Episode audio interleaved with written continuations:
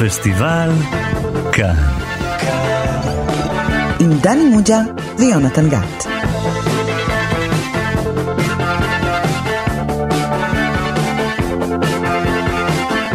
שלום לכם, אתם איתנו שוב בתוכנית הקולנוע הנפלאה של תאגיד השידור הציבורי.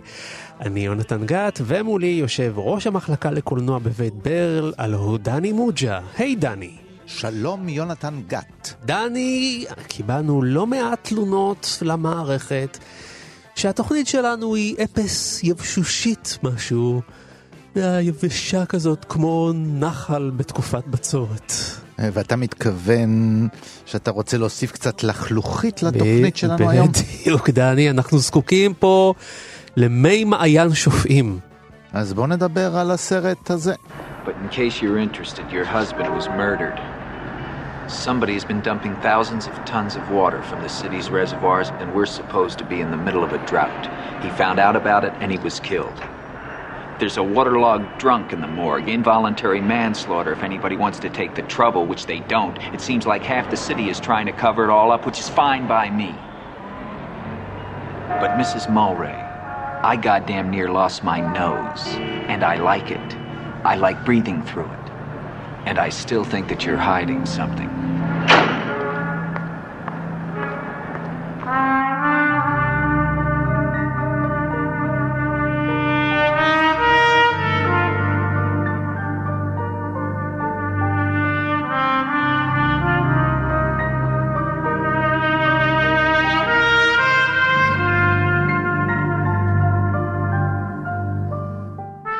שמענו קטע מתוך הסרט המפורסם צ'יינאטאון של הבמאי רומן פולנסקי, סרט שהוא ביים בשנת 1974.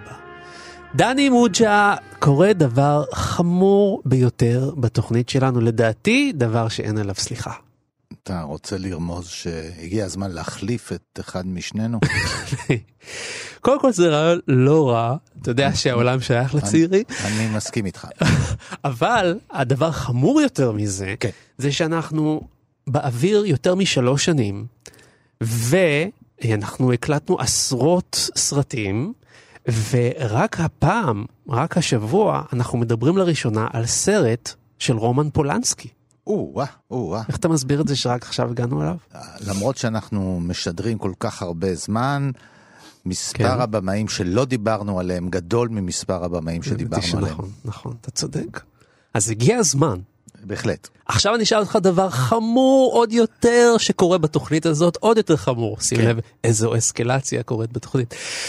איך זה יכול להיות שמכל הסרטים, מכל הסרטים של רומא פולנסקי, כולל המפורסמים ביותר, כמו תינוקה של רוזמרי, וסכין במים, ועוד ועוד, החלטנו לדבר דווקא על צ'יינאטאון. כן, אני חושב שזה סרטו הטוב ביותר של רומן פולנסקי? ממש. אני חושב שזה אחד הסרטים הטובים ביותר בכלל אה, שנעשו? בארצות הברית, בוודאי. וואו. הוא מייצג תקופה נהדרת אה, בקולנוע האמריקאי, המכונה הגל החדש של הקולנוע האמריקאי.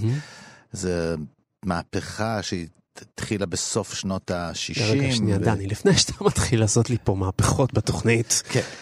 האם אתה מסוגל עם ההתלהבות שלך לספר תקציר של הסרט, אבל אם אתה יכול לעשות את זה לא משתפך ולא מעריץ, אלא לעשות את זה ענייני, קוהרנטי, ושיהיה זורם, האמת היא שזה לא פשוט, כי עלילה מאוד סבוכה ולתאר אותה אז אני אה, אשים לך בקצרה. פה מוזיקה של שפך מים כזה, של אה, זרם, ואתה תתחיל.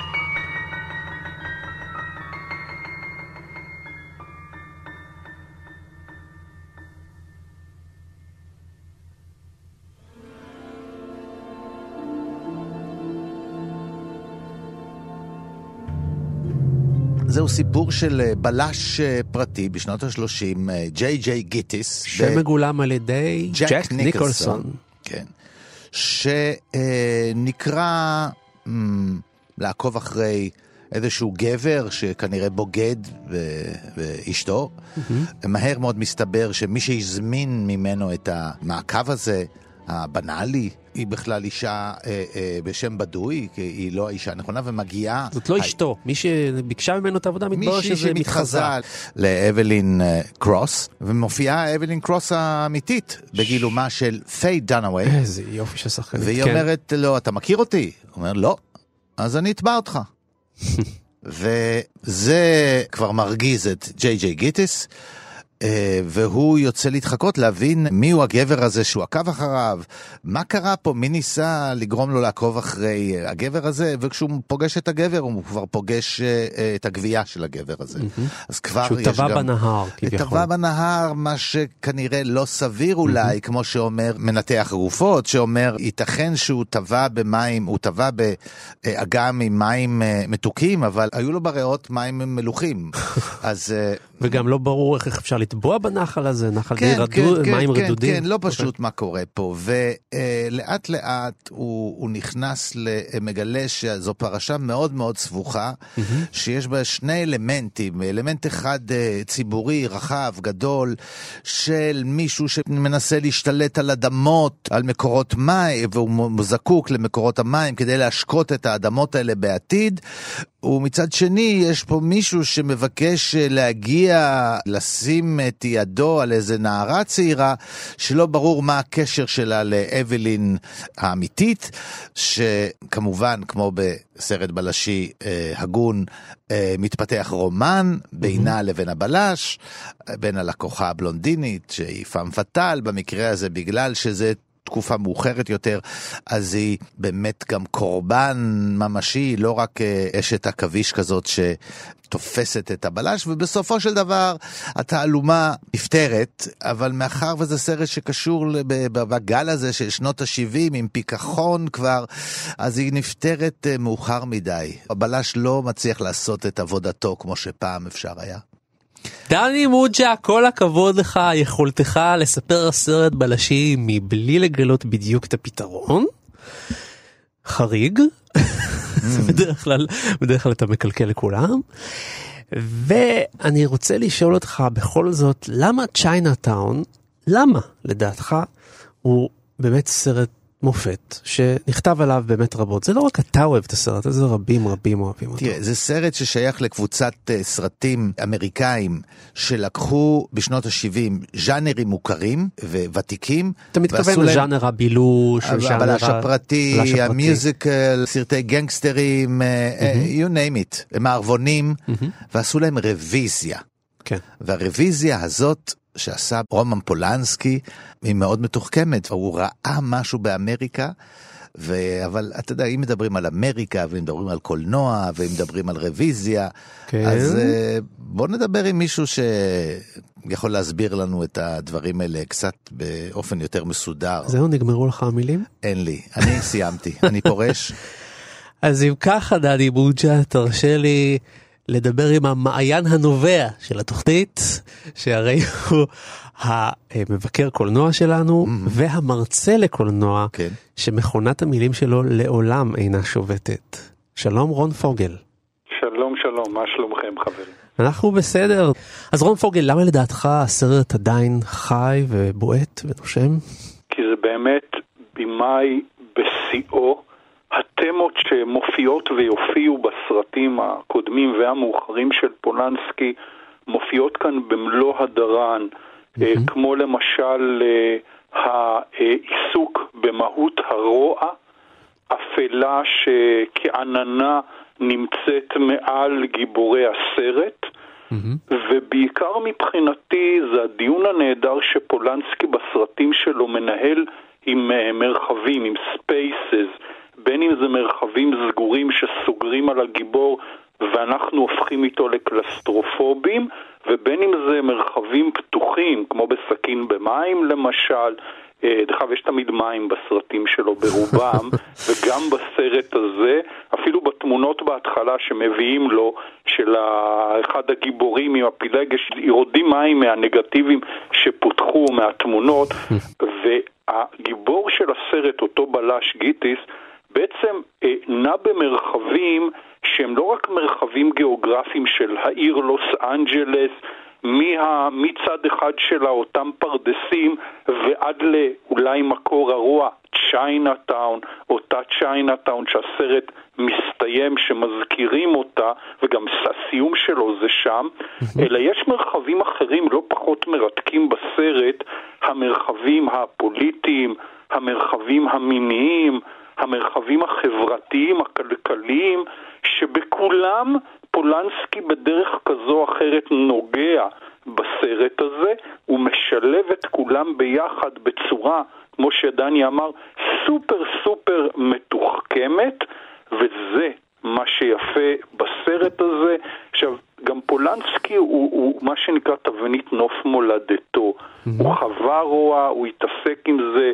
אמו נשבתה באושוויץ, אשתו הערה נרצחה על ידי אנשי צ'ארלס מנסון, ואתה רואה אני לא חושב שהוא חושב שיצר האדם טוב מנעוריו, וכל הסרטים שלו בודקים אדם גיבור שנכנס לאיזושהי מלכודת ולא תמיד הוא יכול לצאת ממנה. דן דיבר על התפכחות, כאן זה הבנה שלא הכל טוב ומואר בעולמנו, זאת אומרת, ומה שמדהים זה לראות איך פולנסקי עושה פילם נואר mm-hmm. הש... בלוס אנג'לס תקופת השמש. אז הכל ביחד יצירה סופר מורכבת, סופר מתוחכמת, שמחזיקה מעמד הרבה אחרי שהיא נוצרה. כמה שנים עברנו? 46 מאז אותו סרט, mm-hmm. אות ומופת ל- ליצירה קולנועית אינטליגנטית.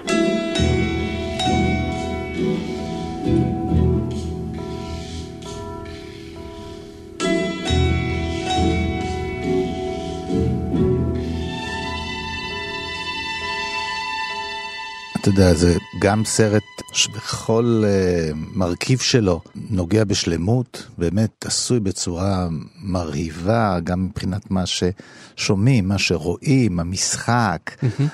האמת, דני, צפיתי בו אתמול, אתה יודע שאני אוהב לצפות עוד פעם בסרטים ממש יום לפני, כדי שזה יהיה כן. טרי לי בראש, מאוד התפלאתי. כמה זה עדיין רענן על מסך. זה לא נראה ארכאי לרגע, ויש הרבה סרטים שלפני חמש שנים נראים כבר לא רלוונטיים. הסרט יש בו רגעים מדויקים מאוד, יש בו. רגעים של אלתור, שפולנסקי השאיר בסרט, אהב את של ג'ק ניקולסון. כן, בעיקר, כן, ג'ק כן. ניקלסון, כן. גם של ג'ון יוסטון שלא הזכרנו, אפרופו פילם נואר. כן. אה, ומעבר לכך, הסרט הזה... ג'ון יוסטון, רק נגיד, הוא מככב שם כאבא של... הארכי רשע. הארכי רשע, כן. וקוראים לו קרוס, דרך אגב. כן, הצלב, ציניות מוחלטת. כן, גם הצלב. של פולנסקי היהודי. אבל גם הבוגד, יש פה הכל מאוד, ונוח, איש של מים, כן. ונוח מסיפ, כן, גם יהודי.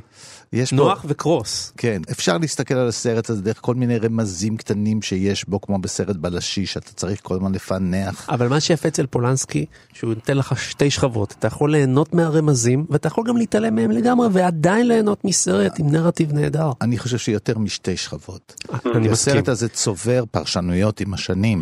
כן. אה, איך שראו אותו כשהוא יצא.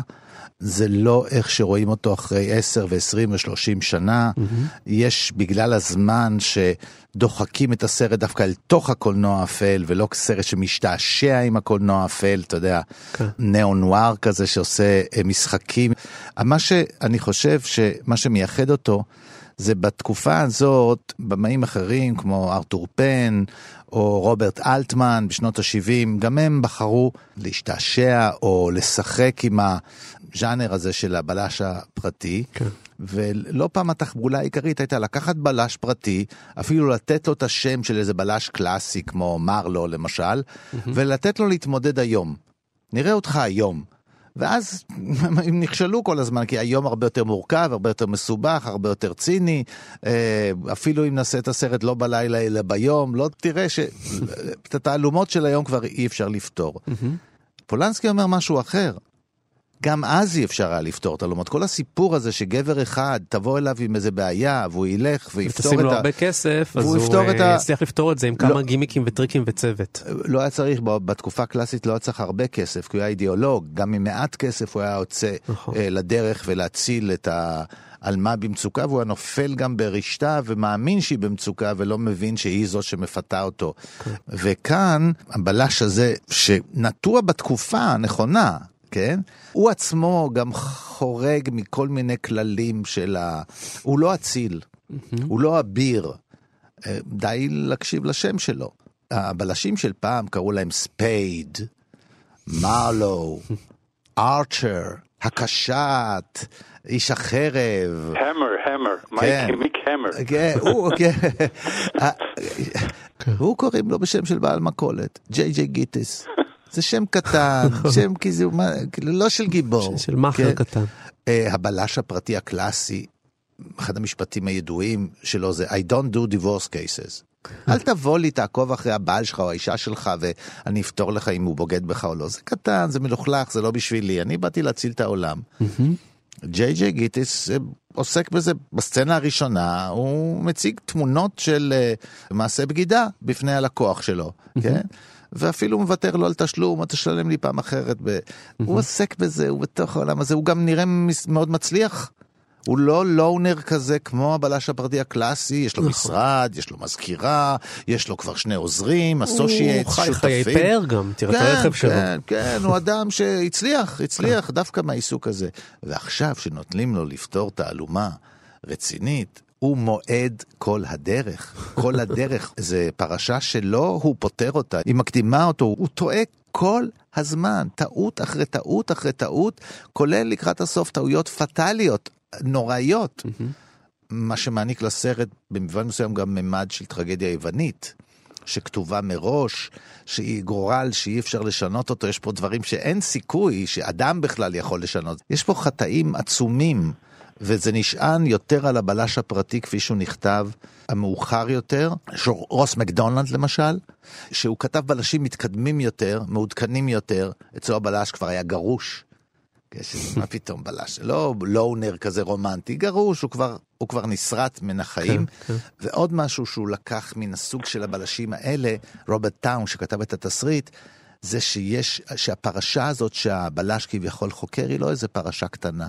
היא מעידה על משהו הרבה הרבה יותר רחב. כן. על איזו שחיתות גם יותר עמוקה, אסורה ממש, זה ממש... אה, שבעת החטאים זה מעט לעומת החטאים שיש פה, זה עוד יותר עמוק, ועניין רחב יותר, פוליטי, חברתי, ומעבר לכך יש עוד איזה עניין, והוא עניין אקולוגי.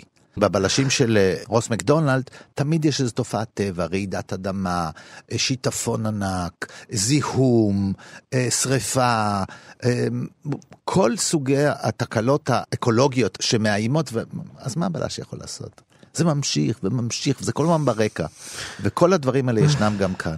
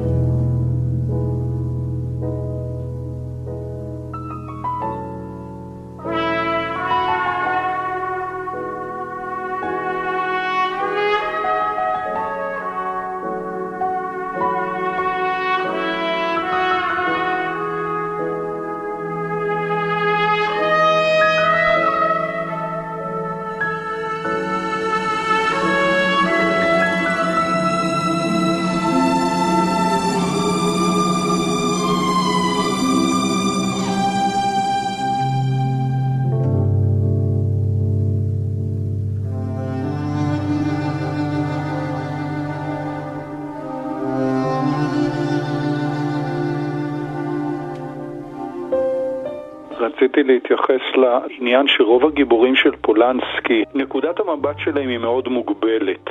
יש להם גם איזשהו חוסר אונים, כי על פניו גיטיס משדר לנו עם החליפות המהודרות האלה שהוא שולט בעניינים. אבל הוא נפגע וחותכים לו את האף, פולנסקי חותך לו את האף. איזה תפקיד הוא- נהדר של פולנסקי הקטנצ'יק הזה. ו- כן, תפקיד קטן כזה של בהגמד קוראים לו שם.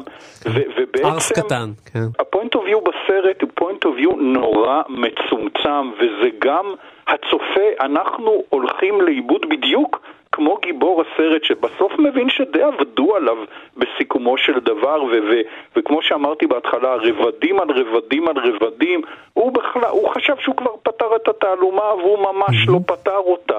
והחוסר אונים הזה של האדם, הדטרמיניזם הזה, הסיום המאוד טרגי, יש שם קטע שקרוס לוקח את אה, נכדתו, שלו ככה אחרי מה שקרה, ו- וזה ממש, בעיניי זה קטע אימה ומפחיד ביותר, אולי הקטע הכי מפחיד בסרט. לגמרי.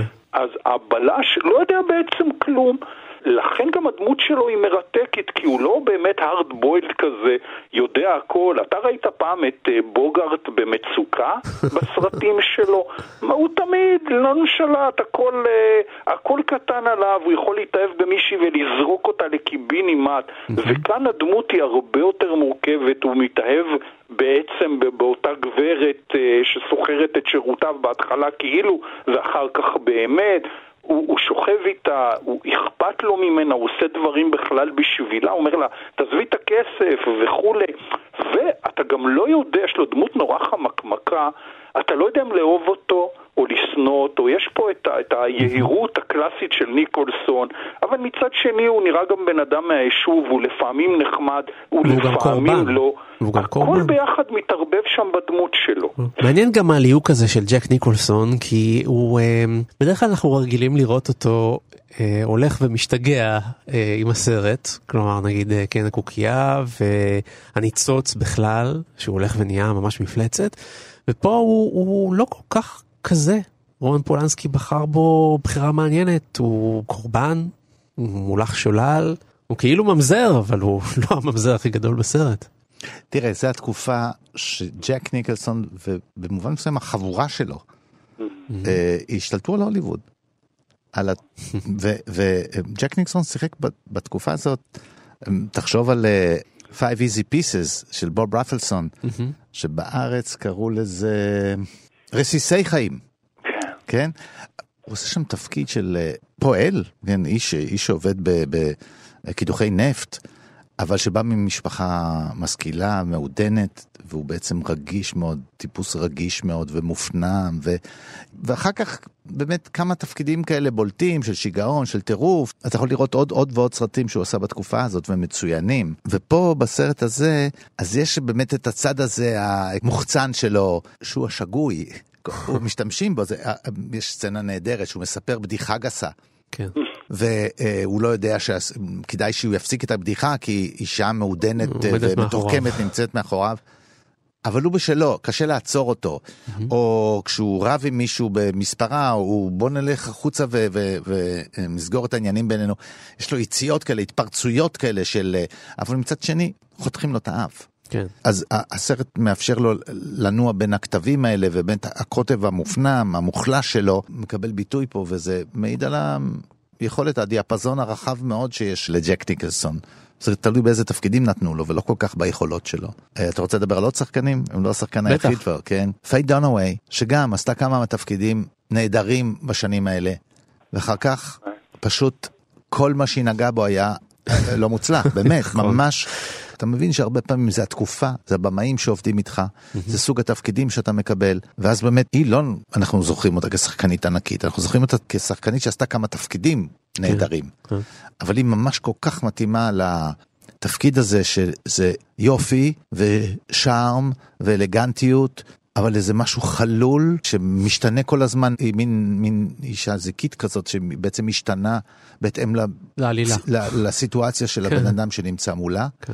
והליהוק הגאוני של אה, ג'ון יוסטון, שאבי הקולנוע האפל, הנץ במלטה, נחשב אצל אחדים כסרט האפל הראשון, יש אחדים שרוממים אחרת, זה לא כל כך חשוב, חיכובו כן? של בוגארט, כן. כן, והוא באמת, אה, ג'ון יוסטון, והוא ש- גם האבא של כן, אנג'ליקה. אנג'ליקה, וגם איתה הוא עשה פילם נואר, ועם ג'ק ניקלסון, תחשבו, נכון. תחשב- כן, כן, על שני רוצחים שכירים, כבוד של פריצי. הכבוד של הכבוד פריצי, פריצי, כן. זה מאוד מאוד עמוס. הסרט מבחינה זאת, מבחינת הדיאלוג שלו עם הקולנוע האמריקאי, אתה יודע, יוסטון בתפקיד הזה שעבד מבחוץ ועובד בפנים, וגם כשחקן, ומגלם את המין המינגווי כזה של הקולנוע האמריקאי, כן, אה, אבל פה הוא באמת אה, אבי אבות הרוע, באמת כמו בטרגדיה יוונית, שיש איזה כוחות כאלה אפלים שאי אפשר, אי- אין מה לעשות נגדם, אין סיכוי, כן? והוא מאמין בדרך שלו והרצונות שלו, כי זה רצונות קמאיים. זה, הוא לא אחד אה, גרידי כזה שרוצה רק לעשות כסף, יש לו כל מיני תשוקות אפלות כאלה ורצונות אפלים, והוא עושה ז- מעשה זוועה. זאת אומרת, הוא מחרב חברה שלמה בשביל הרעיונות שלו. זה מתחיל מאינדיבידואל, הוא מחרב אינדיבידואל, הוא מחרב קהילה, והוא מחרב אדמות של קהילה שלמה, של ארץ שלמה, רק בשביל איזה חלום של כוח. מבחינה זאת זה, זה, זה עצום, באמת עצום. הוא אומר שם, the future, שואל אותו, מה אתה רוצה? יש לך מספיק כסף? הוא אומר, אני רוצה את העתיד. והוא כאילו רוצה באמת את כל השמש תזרח אצלו. תחשוב שפולנסקי, כמו שאמרתי, נתקל ברוע. הוא נתקל ברוע הנאצי, הוא נתקל ברוע של צ'ארלס מנסון והכת שלו, הוא סבל משני הדברים האלה, כן. ובמקבט יש את הקטע שמודיעים למקדף שאשתו נהרגה, וזה בדיוק אה, כמו הרצח, אתה חושב על הרצח של אה, אשתו ההרה, שרון טייט. נכון. אז הוא שחה בתוך הרוע הזה, רצה או לא רצה, ובאמת, הדיון שלו ברוע, נועה קרוס כרוע המוחלט, שהתכנון היה גם שזה יהיה שלושה סרטים, אחד על שנות ה-30, אחד על 40 ואחד על שנות ה-50, שידבר בעצם איך הקפיטליזם משתלט על כל חלקה טובה בלוס אנג'לס, עיר המלאכים, וחירב אותה לגמרי. Mm-hmm. זה לא כל כך יצא בסופו של דבר. דרך אגב, עד כמה שאני זוכר, אה, אה, היו, גם התלבטו לגבי שחקנים וכולי, אבל באמת, הליהוק הוא מדהים, ודרך אגב, דיברתם על פיי דנווי, אז היא דוגמה נהדרת למשחק של פולנסקי בנו, בתפיסות שלנו. היא כאילו פאם פאטל, היא לא פאם פאטל.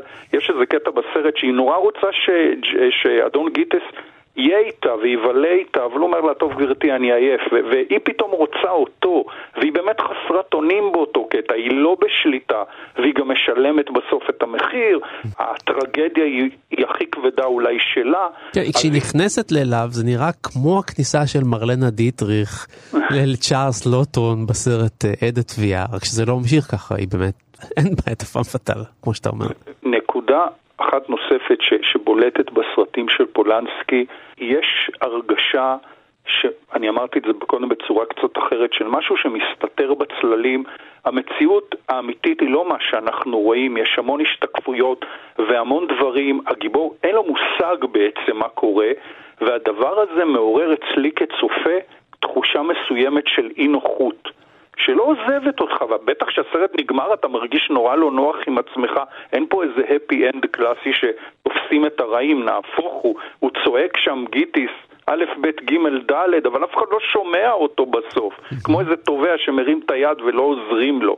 ובאמת, התחושת אי נוחות הזאת והרוע שגובר על האור מאוד מאוד מטריד, וכמו שאמרתי, אצל פולנסקי זה כנראה תבנית נוף מולד, מולדתו, הגוש הקומוניסטי שבו הוא חי, שזה גם הייתה תרבות, אה, נקרא לה מקרבנת, כי הוא באמת, כמו שאמרתם, מתעסק המון בקורבנות, במקרבנים, במשחק ביניהם, קורבנות שהופכים למענים, ועוד ועוד. בסרט האלמה והמוות, סיגורני וויבר תופסת את אה, בן קינגסלי כי היא חושבת שבאיזה מקום בדרום אמריקה הוא לפני שנים בעצם עינה אותה כחלק מזוועות המשטר. הקורבן הופך למקרבן. פולנסקי המון מתעסק בקורבנות ומקרבנים, יש לך את זה בסרט בצ'יינאטאון בהחלט. ועוד פעם, עוד אחד הרבדים שלא דיברנו עליהם זה הרובד האתני ושמו של הסרט. צ'יינאטאון, רובע בתוך לוס אנג'לס, מה זה בעצם אומר? האוזן של פולנסקי עוזרת, כי הדיאלוג שרוברט טאון כתב הוא, הוא דיאלוג נהדר, באמת, והרבה דברים בסרט מתרחשים במילים גם. יש את העניין הזה של המשפטי מחץ האלה, ש, שבאפיל נואר אה, אה, סופרים כמו צ'נדלר ותסריטאים כמו צ'נדלר. שהיה אה, סופר מתח מפורסם. כן, כן, ואחרים, כן, מתענגים מאוד על הדיאלוג, התשובות המהירות. ג'יי ג'י גיטיס יש לו את זה. עם כל זה שהוא מובל, הוא לא, אה, לא יעיל, הוא רב תושייה, יש לו המצאות, הוא רק לא רואה תמונה גדולה. יש סצנה נהדרת שהוא צריך uh, לעבור גדר. Mm-hmm.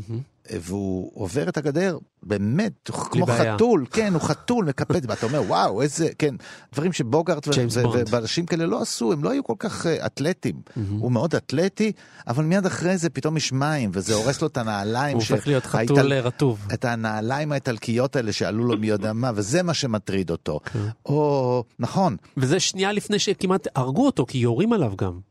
מה אה, שאכפת לו זה הנעליים. כן, כן, ואחר כך יש גם את העניין של חותכים לו את האף, אוקיי? שזה שיא ההשפלה. כן. אבל כשמישהו שואל אותו ככה בציניות כזאת, תגיד, מה קרה לאף שלך?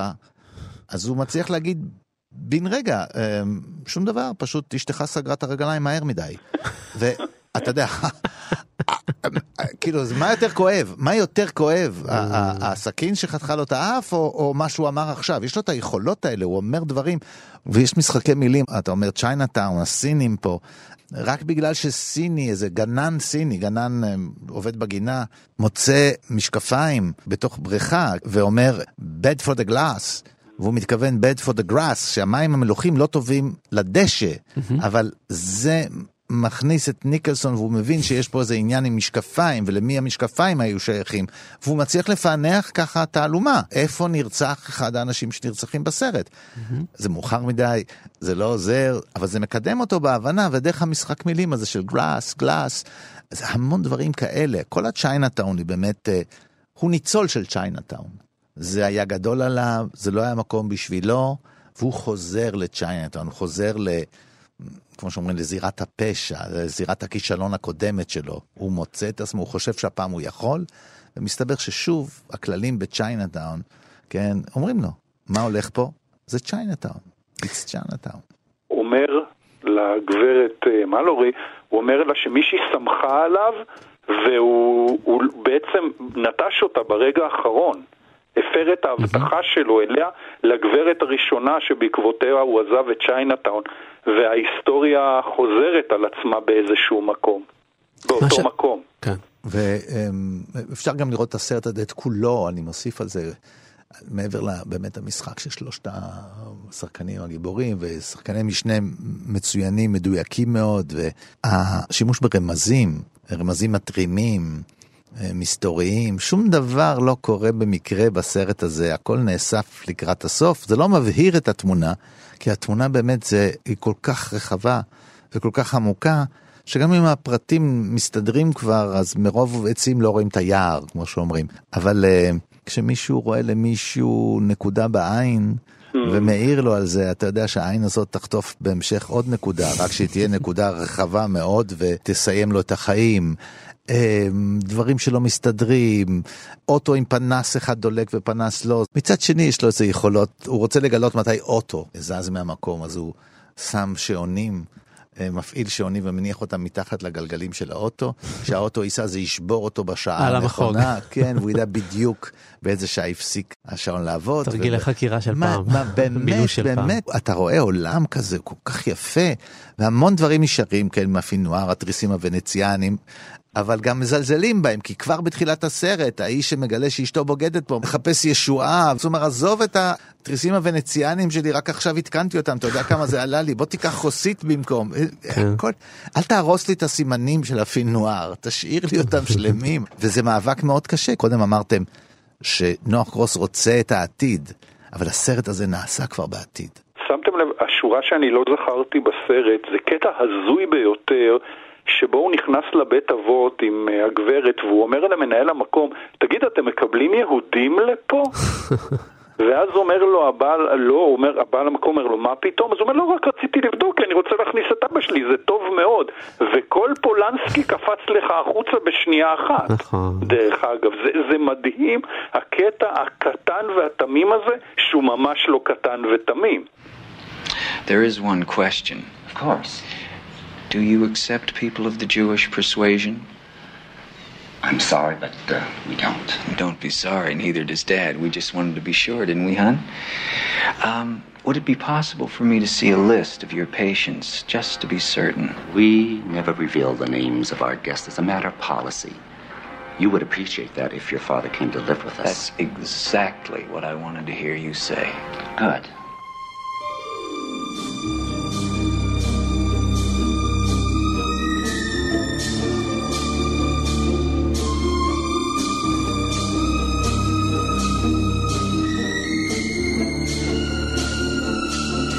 יש משהו בסרטים של פולנסקי, ופה אני מרגיש את זה בכמות אה, יפה, זה שהסרט נראה לך בהתחלה כמו חלק מהז'אנר. הנה הבלש הפרטי, הנה סרט שהולך להיות כיפי על הבלש הפרטי, אבל אתה די על ההתחלה מתחיל להרגיש שמשהו פה לא הולך לכיוון הזה, וגם משהו רע הולך לקרות. משהו באווירה, גם בצילום, גם בעריכה, גם בסאונדטרק, גם בתאורה, אתה מרגיש שאת הכיף החסר קלוריות אתה לא הולך לקבל פה. יהיו פה ערכים תזונתיים אחרים. איך זה בנוי? קודם כל הסרט מתחיל, ואתה רואה משהו שמזכיר לך מאוד, גם האותיות, האותיות של הכתוביות, אה, של הכותרות של הסרט, המוזיקה. רומנטית כזאת ממש קלאסית שמושכת אותך כלא, נאו-קלאסית, כן, היא לא נכתבה בשנות ה-40, שכתבו את הסרטים על עלילות שהתרחשו בשנות ה-30, אבל הוא מחזיר אותך לשם עם הפתעה אחת שזה בצבע. אנחנו לא רגילים לראות קולנוע אפל בצבע, הקולנוע היה בשחור לבן. גם כשהגיע הצבע המשיכו לעשות סרטים פין נוער בשחור לבן, זה היה כלל, והסרט מפתה אותך פנימה, הוא באמת מפתה אותך לתוך הסיפור הזה, כן. עם האווירה הזאת ועם השחזור המדוקדק, זה סרט עשיר מאוד, כל רהיט הוא רהיט, כל בגד הוא בגד, מאוד איזו הקפדה, ככה ממש סרט, אתה רואה שמישהו עבד מאוד מאוד ברצינות בשבילנו. באמת חפצים ובגדים ומכוניות ו... פוסטרים, וכל דבר עשוי ממש בטעם ובדיוק רב, ולכן אתה מתפתה להיכנס, זה מה שאתה מתאר. ואז, יחד עם הבלש, אתה חושב שאתה בסביבה הנינוחה שלך, אתה יודע, ופתאום נופל איזה סיפור, הוא נופל בקטן, הוא נופל לאט לאט, הוא מתגלה יותר ויותר, הוא אפילו משעשע בהתחלה. פעם ראשונה שג'יי ג'י גידיס הולך לאיזה אספת אזרחים, לשמוע מה קורה בענייני מים בסביבה, ופתאום איזה אה, עיקר מביא את העדר שלו לתוך האולם, הוא לא רואה את המחאה. הוא רואה את השעשוע, והוא מתפקע מצחוק, הוא לא מבין שיש פה אנשים שכועסים, שהולכים לאבד את חייהם. יש רגע, בעיניי אולי הרגע הכי עצוב בסרט, זה רגע כזה שג'י ג'י גידיס יורד ככה לאפיק של נחל והוא יבש, ויש שם קצת מים. ופתאום מגיע ילד על uh, פרד, סוס. הסוס אולי, פרד. והילד מספר לו, אותו, כן. הילד מספר לו שיש משהו, שהמים, הוא אומר לו, when they come, when they go. הוא אומר, הם באים כל פעם מכיוון אחר. כן, הם באים ונעלמים ומנם, והולך. This is, uh, yes. Uh, what did you talk about? Do you mind my asking? The water. What about the water? When it comes. When it comes? What did you tell him? Comes in different parts of the river. Every night a different part.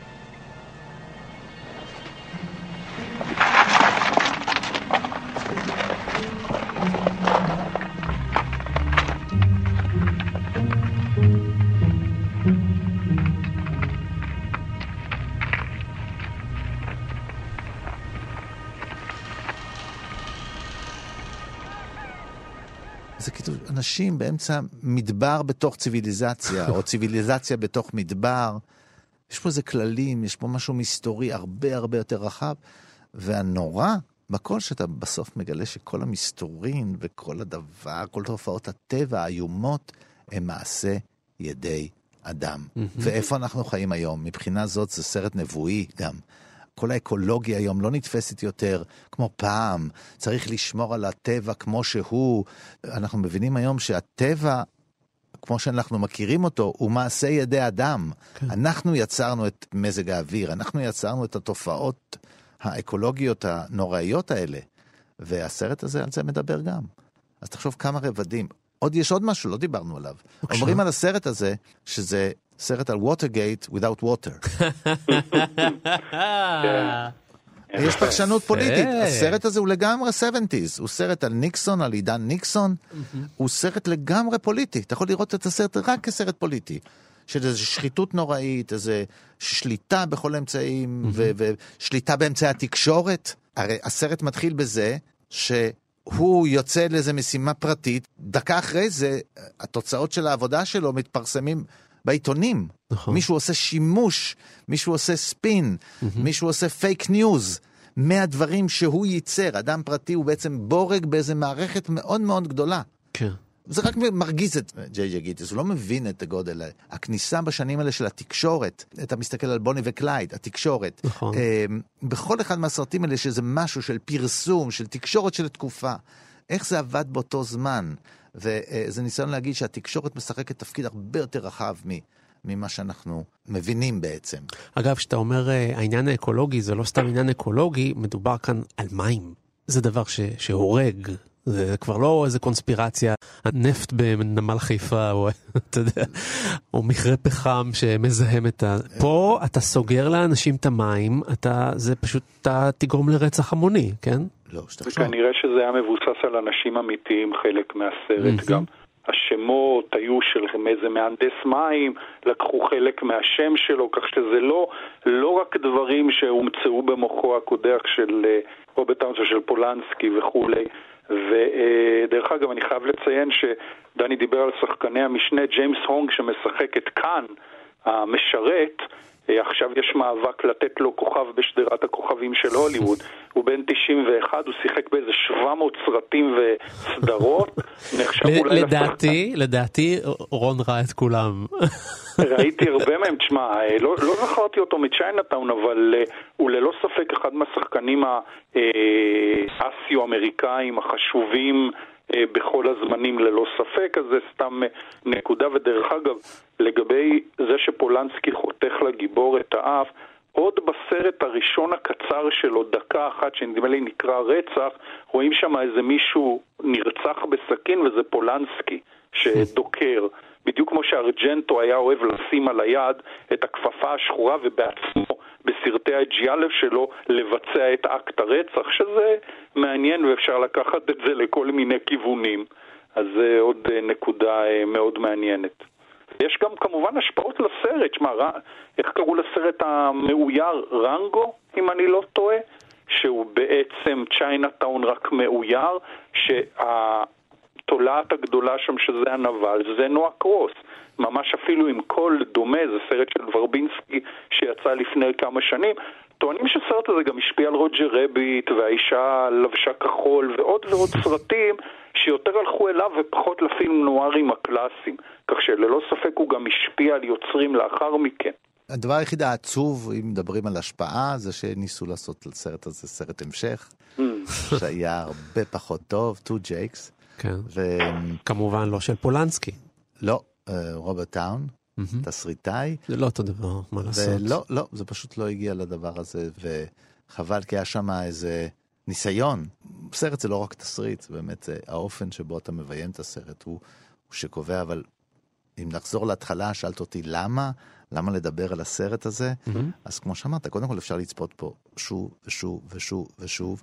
הוא נשאר חי, ומה שמשאיר סרטים בחיים זה שהם רבי רבדים, ואפשר לראות מתחת, ואתה רואה שוב, הוא מתעדכן, אתה מפרש אותו אחרת. היום, כמו שאמרתי בהתחלה, הוא כבר שייך לז'אנר, הוא כבר לא מדבר על, הוא כבר שייך, כי התקופות מתארכות והפרספקטיבה משתנה. מה שהיה פעם נראה כמו איזה אוף ביט או, או איזה הערה על, ממרחק זה כבר הופך, אה, אתה יודע, פרודיות לאט לאט הופכות לחלק מה... ז'אנר. ככל שאתה מתרחק, הן מתקרבות, אתה פחות רואה את ההבדלים ורואה יותר את המכנה המשותף. אגב, זה סרטו, יש שמכנים אותו סרטו האחרון האמריקאי של uh, פולנסקי.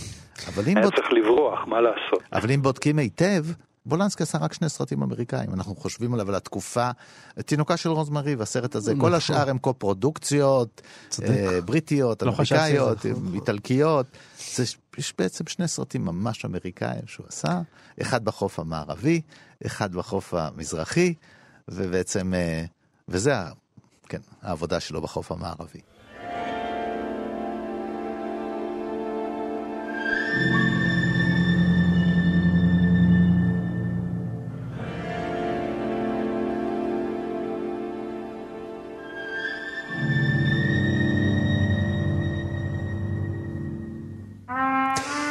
סיימנו, אבל זה לא הכל, כי לפסטיבל כאן יש עוד עשרות תוכניות שהקלטנו ושידרנו עד היום, וביניהן על עוד יצירות שבוימו על ידי בימאים אמריקאים נחשבים.